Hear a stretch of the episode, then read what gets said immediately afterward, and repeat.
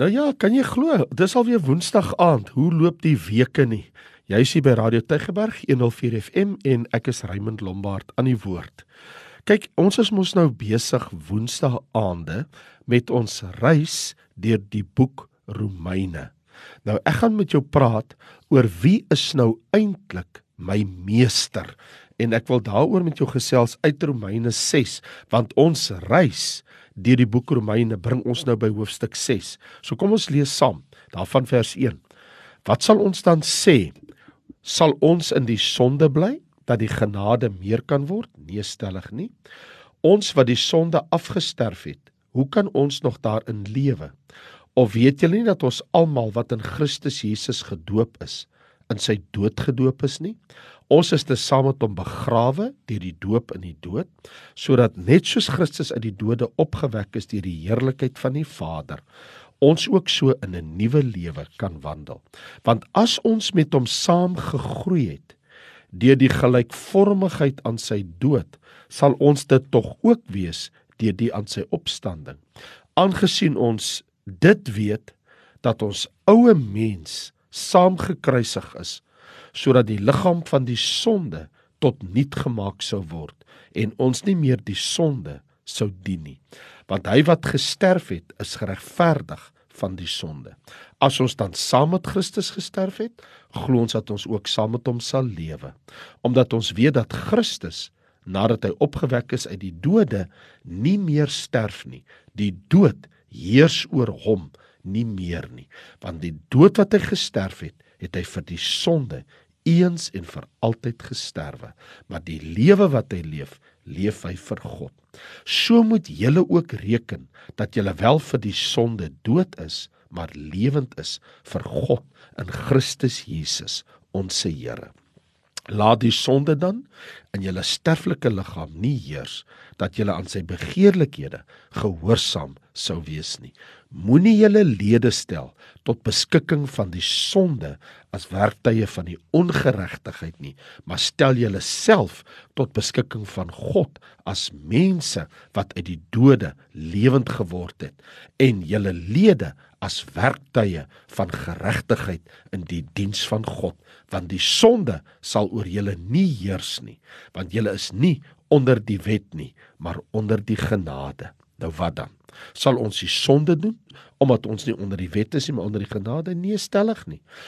Weet julle nie dat aan wie julle julleself as diensknegte tot beskikking stel om hom gehoorsaam te wees julle diensknegte is van hom aan wie julle gehoorsaam is of van die sonde tot die dood of van die gehoorsaamheid tot geregtigheid. Maar ons dank God dat julle wel diensknegte van die sonde was, maar van harte gehoorsaam geword het aan die voorbeeld van die leer wat aan julle oorgelewer is en vrygemaak van die sonde het julle diensbaar geword aan die geregtigheid.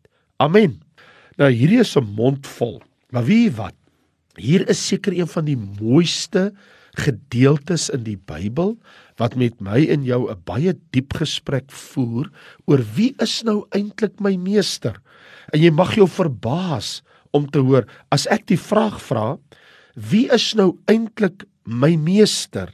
Dan beteken dit mos eintlik ek vra wie dien ek dan nou werklik? En Paulus gee 3 onderwysings oor hoe ons as gelowige oorwinning kan hê en die een kan dien wat waardig is ons se Here.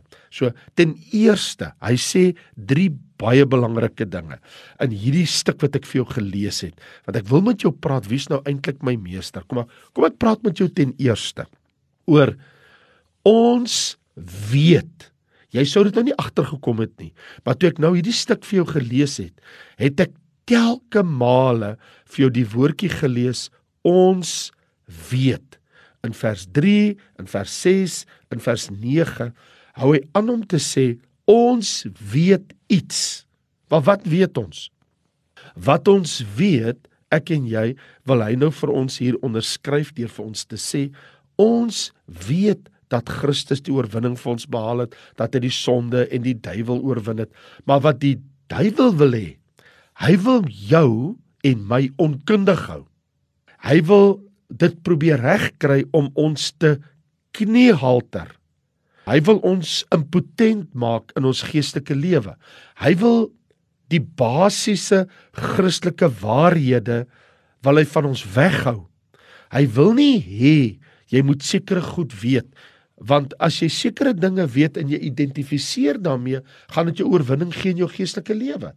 Soos byvoorbeeld Christus se dood, Christus se begrafnis, Christus se opstanding.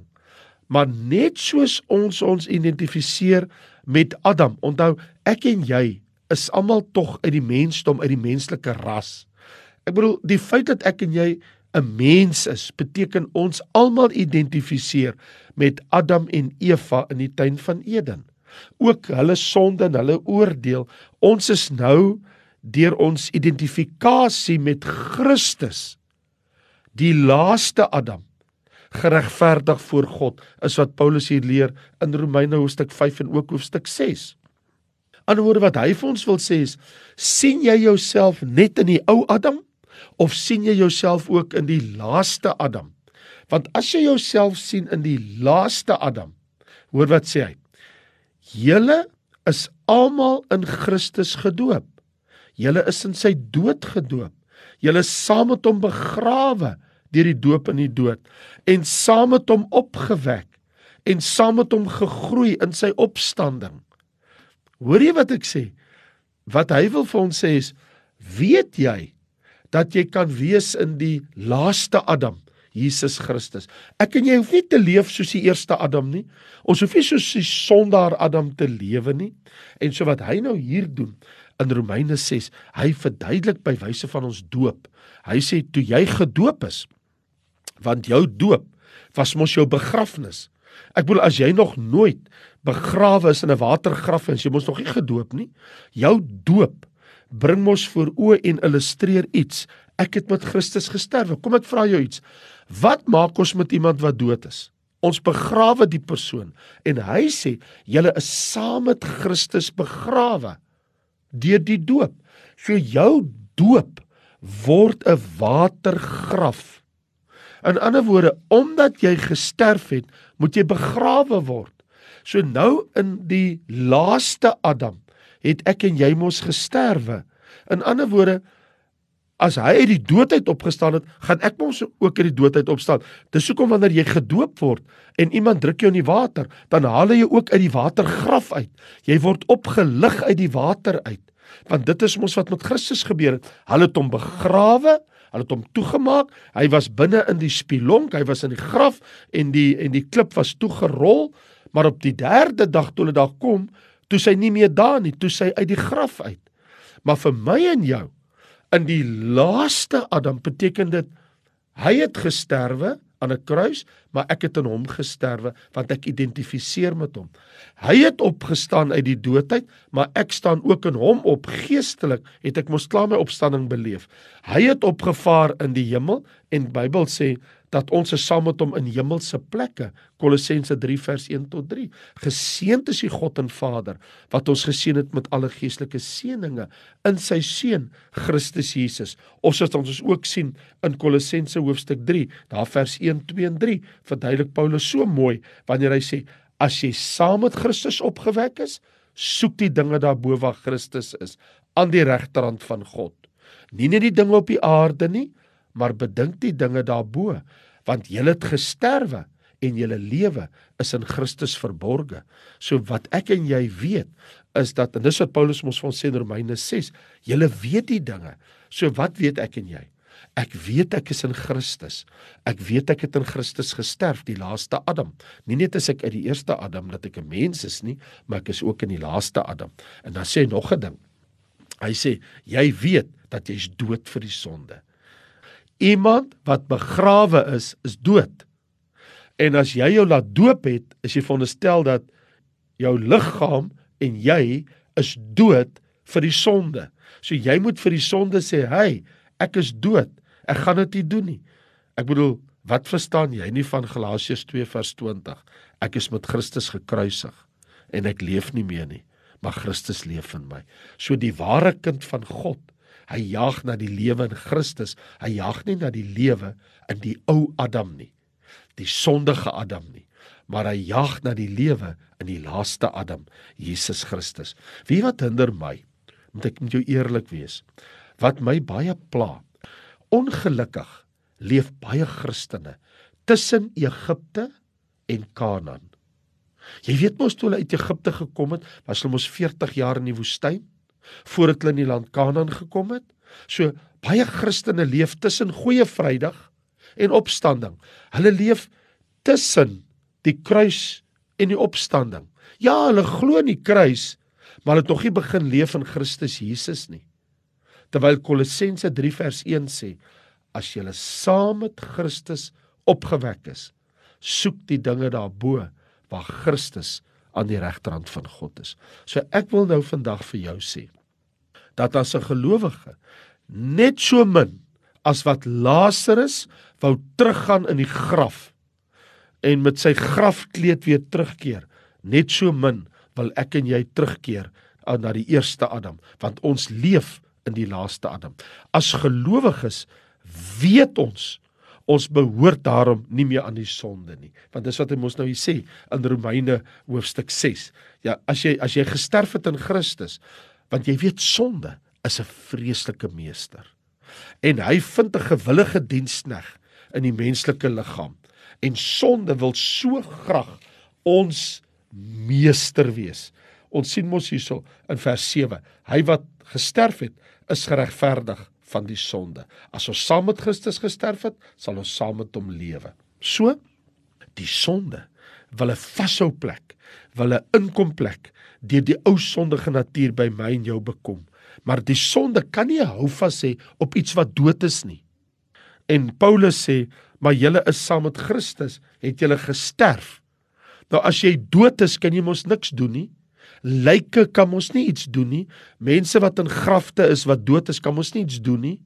En hy sê, maar jy's dood in Christus in die laaste Adam. Omdat jy nou in Christus gesterf het en jy het jou laat doop en jy's begrawe in hom, nou moet jy lewe saam met die laaste Adam. Dis hoekom hy nou ten tweede sê in vers 11: Reken. Ah, hier sit hier nou raak dit interessant. Hy sê julle moet reken dat julle wel vir die sonde dood is, maar lewend is vir God in Christus. Nou, ek en jy, kom ons praat gou oor ons taal, oor Afrikaans. As ek die woord gebruik en ek sê vir jou ek reken so. Wat dink jy het ek nou net gesê? As iemand voor jou staan en die persoon sê vir jou, jy vra 'n vraag en die persoon sê ek reken so. Wat kom by jou op as jy dit hoor? As jy voor iemand staan en die persoon sê ek reken so. Wat dink jy onmiddellik? Die persoon probeer vir jou sê ek dink so, uh ek neem so aan, ek skat so. Dis mos wat jy sê. Dis mos wat jy dink as iemand sê ek reken so, dan wil jy sê Uh, so dit is sy estimasie. Die persoon dink dit kan miskien so wees. Right? Dis mos in die Afrikaanse taal. Nie so in die Bybel nie. In die Bybel, in die oorspronklike taal in Grieks en in die konteks waarbinne hierdie woord gebruik word, reken, en ek weet nie of jy dit weet nie, maar in die boek Romeine word die woordjie reken 19 keer gebruik. En dit word gebruik in die sin van om in berekening te bring om te reken.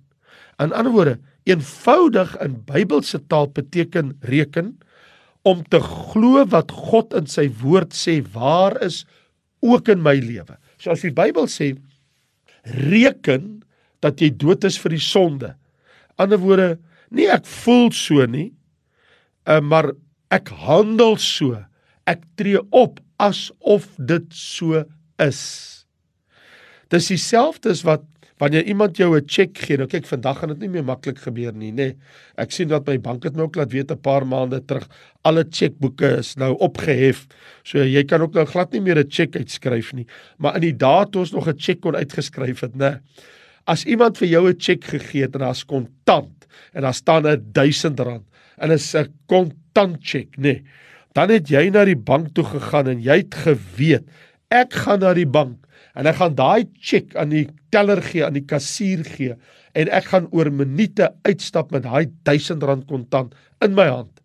Jy jy reken, ander woorde, Jy weet as jy 'n stuk papier in jou hand het en jy loop by die bank se deur in, ek gaan net nou met 10 100 rand note gaan ek by daai bank uitstap.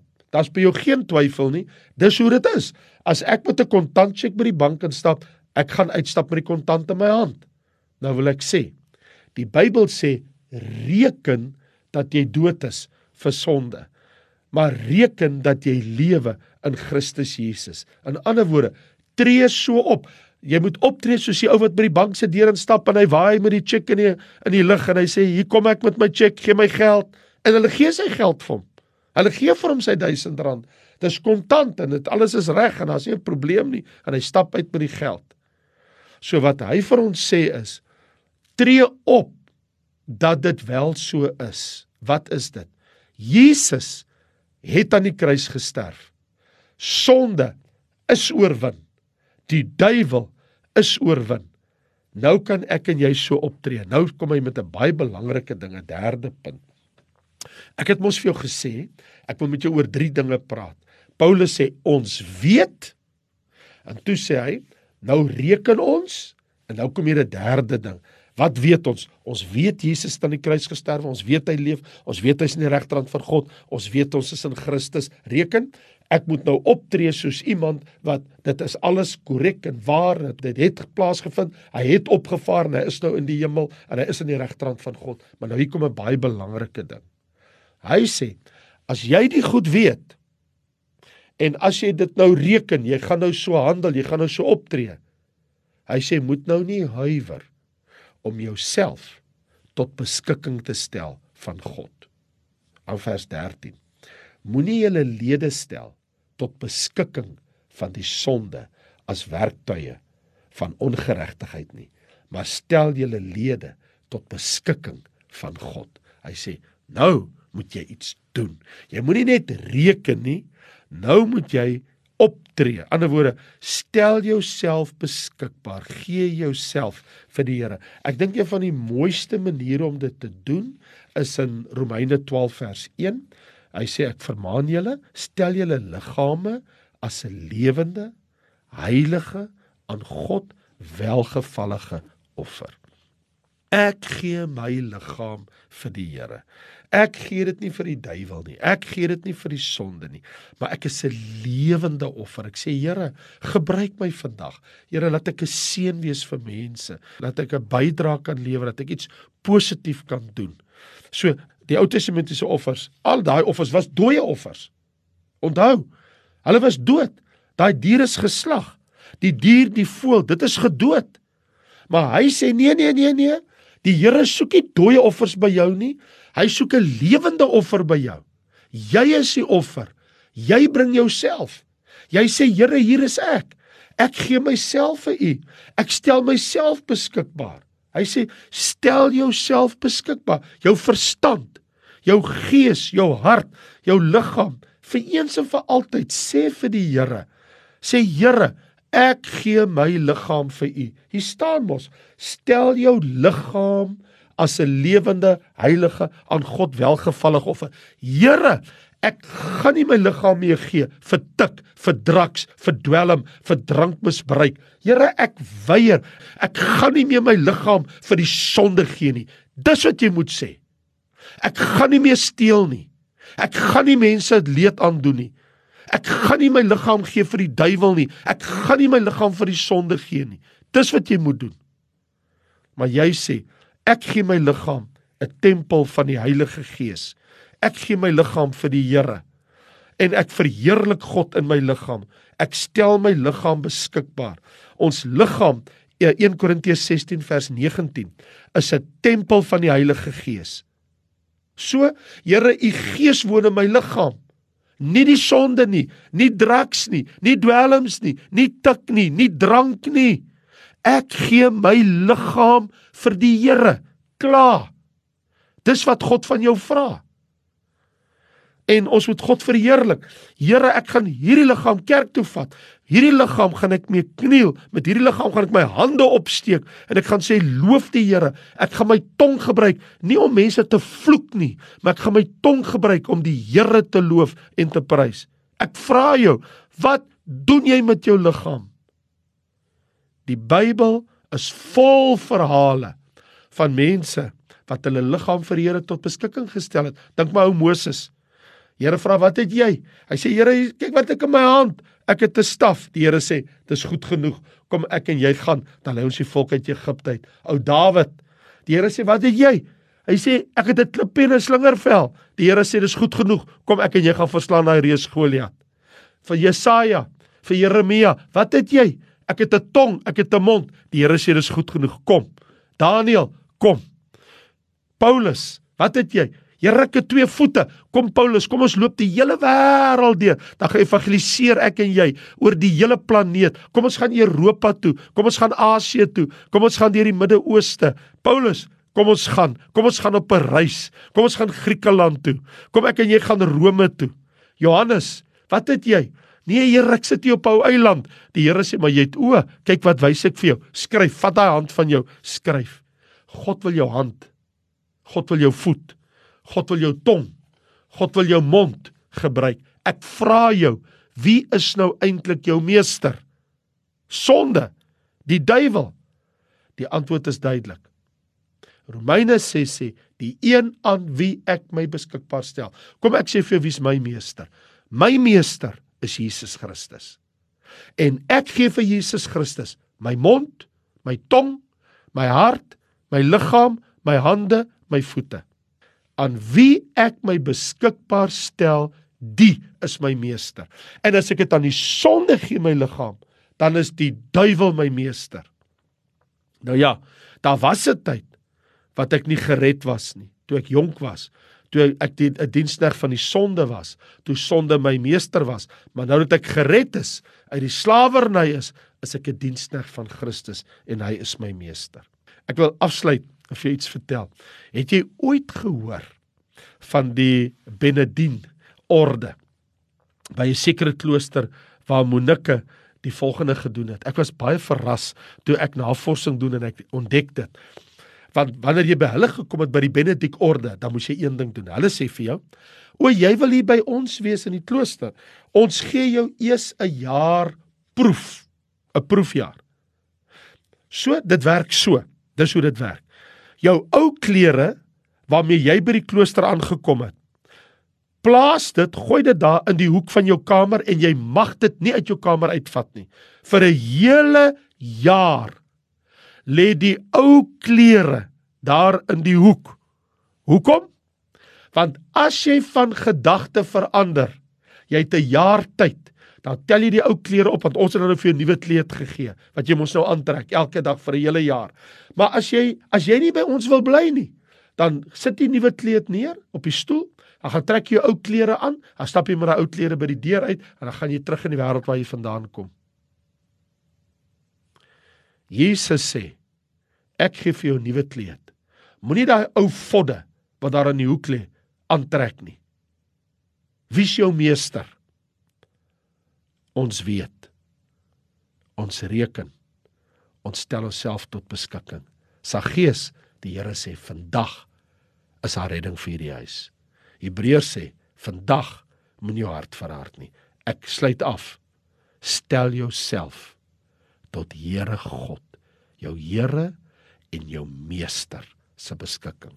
Jou liggaam, jou verstand, jou gemoed, jou gees, stel dit tot sy beskikking. Vader, Here God, ek gee myself tot u beskikking. Ek stel myself tot u beskikking. Ek weet dat Jesus gekruisig, begrawe en opgestaan, opgevaar het aan die regterhand van die Vader in die hemel is. Ek reken dat ek vir die sonde dood is, dat ek lewend is vir Christus. En nou stel ek myself tot u beskikking. Gebruik my. Gebruik my soos ek is tot u eer en u heerlikheid. En ek weier, Here, om hierdie liggaam van my te gee om die sonde te voer, maar ek stel dit tot u beskikking, Vader, in Jesus naam. Amen. Nou toe ek is Raymond Lombard en volgende week kuier ons weer verder as jy weer na my wil luister. Yes. Sondag aand gesels ek met jou verder. Dan reis ons deur die boek Hebreërs. Hoe klink dit? Seën vir jou, wonderlike week. Baie dankie en totsiens.